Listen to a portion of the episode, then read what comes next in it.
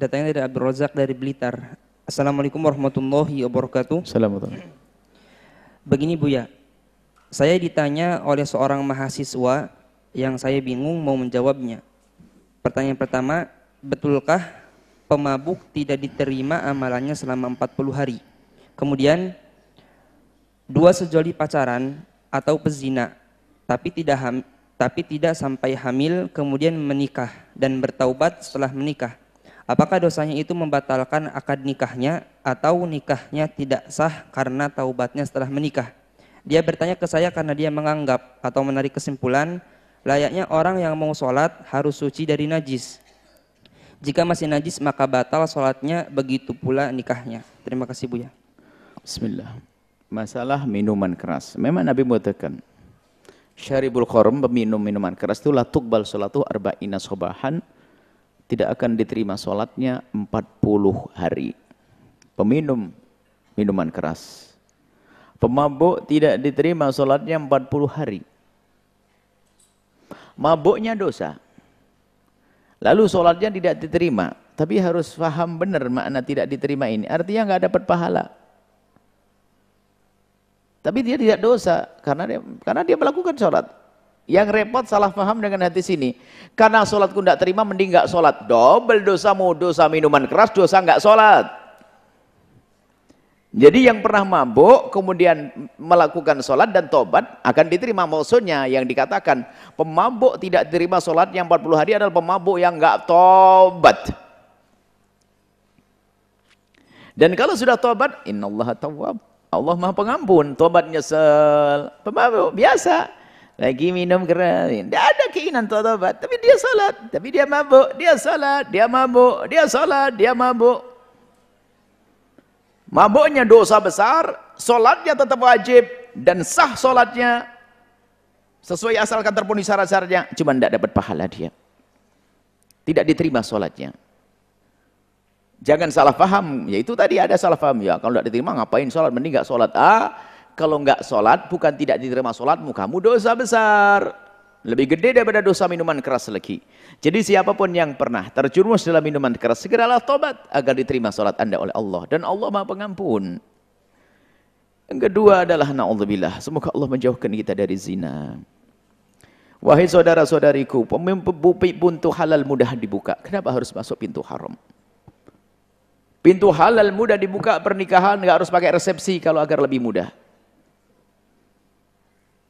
mendatangkan seorang walinya lalu dengan dua saksinya selesai.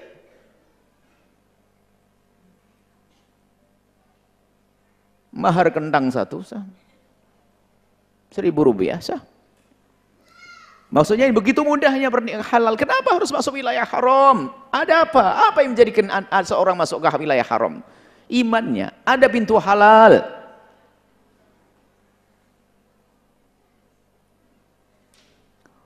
khawatir nanti setelah nikah tanggung jawab. Memang zina nggak ada masalah. Aneh betul. Kalau nikah nanti kan hamil. Memang zina nggak bisa hamil juga. Macam-macam ini ada alasan aneh. Makanya kalau ada orang mas sudah tahu pintu halal kenapa masuk wilayah zina itu aneh sekali. Imannya yang keropos. Ya kalau zina zani hina zina wa mu'min.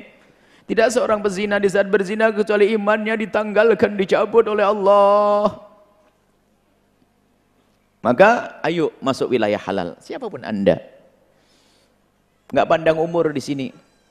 Ya pun sudah setengah kakek-kakek, nenek-nenek, tapi kadang masuk wilayah zina. Nauzubillah. Dan mengherankan sekali, hina sekali Syekhun Zani. Sudah renta tua renta masih berzina, naudzubillah.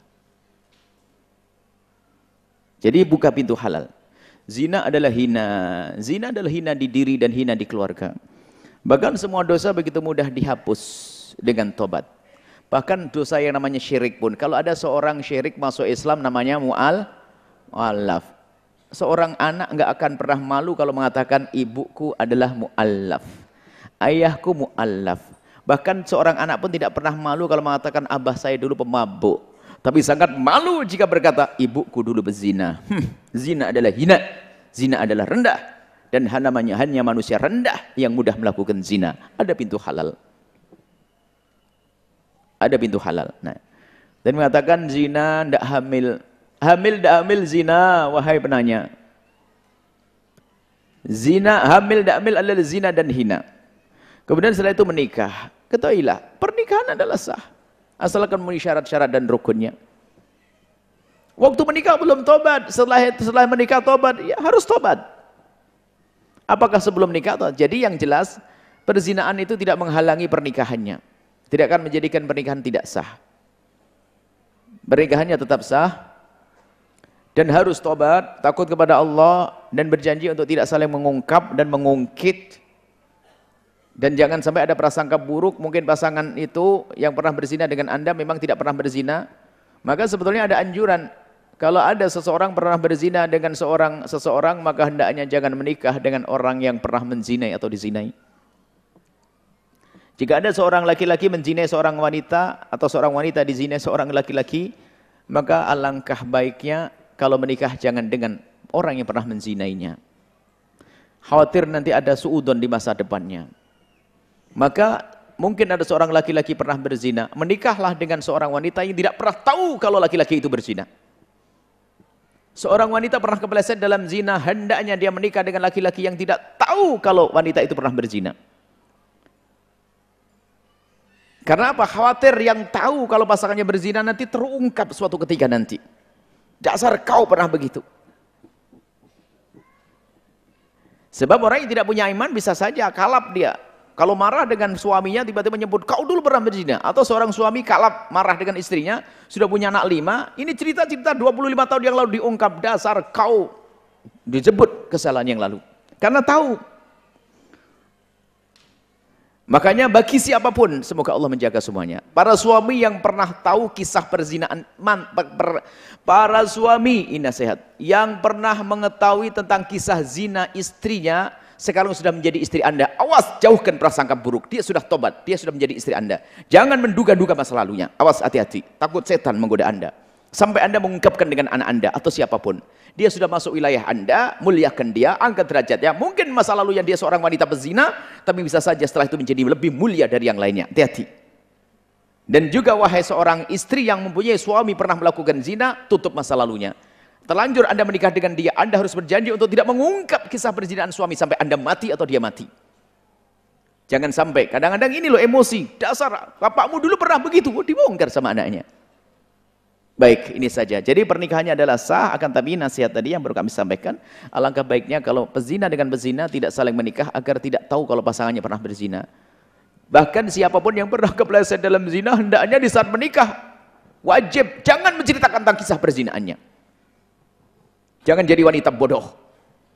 Menceritakan tentang kisah perzinaan. Bang, terima aku apa adanya ya bang ya. Kenapa? Aku pernah zina. Ah, mungkin dia seolah-olah menerima, tapi dalam hatinya ada amarah dia. Karena dia wanita bodoh.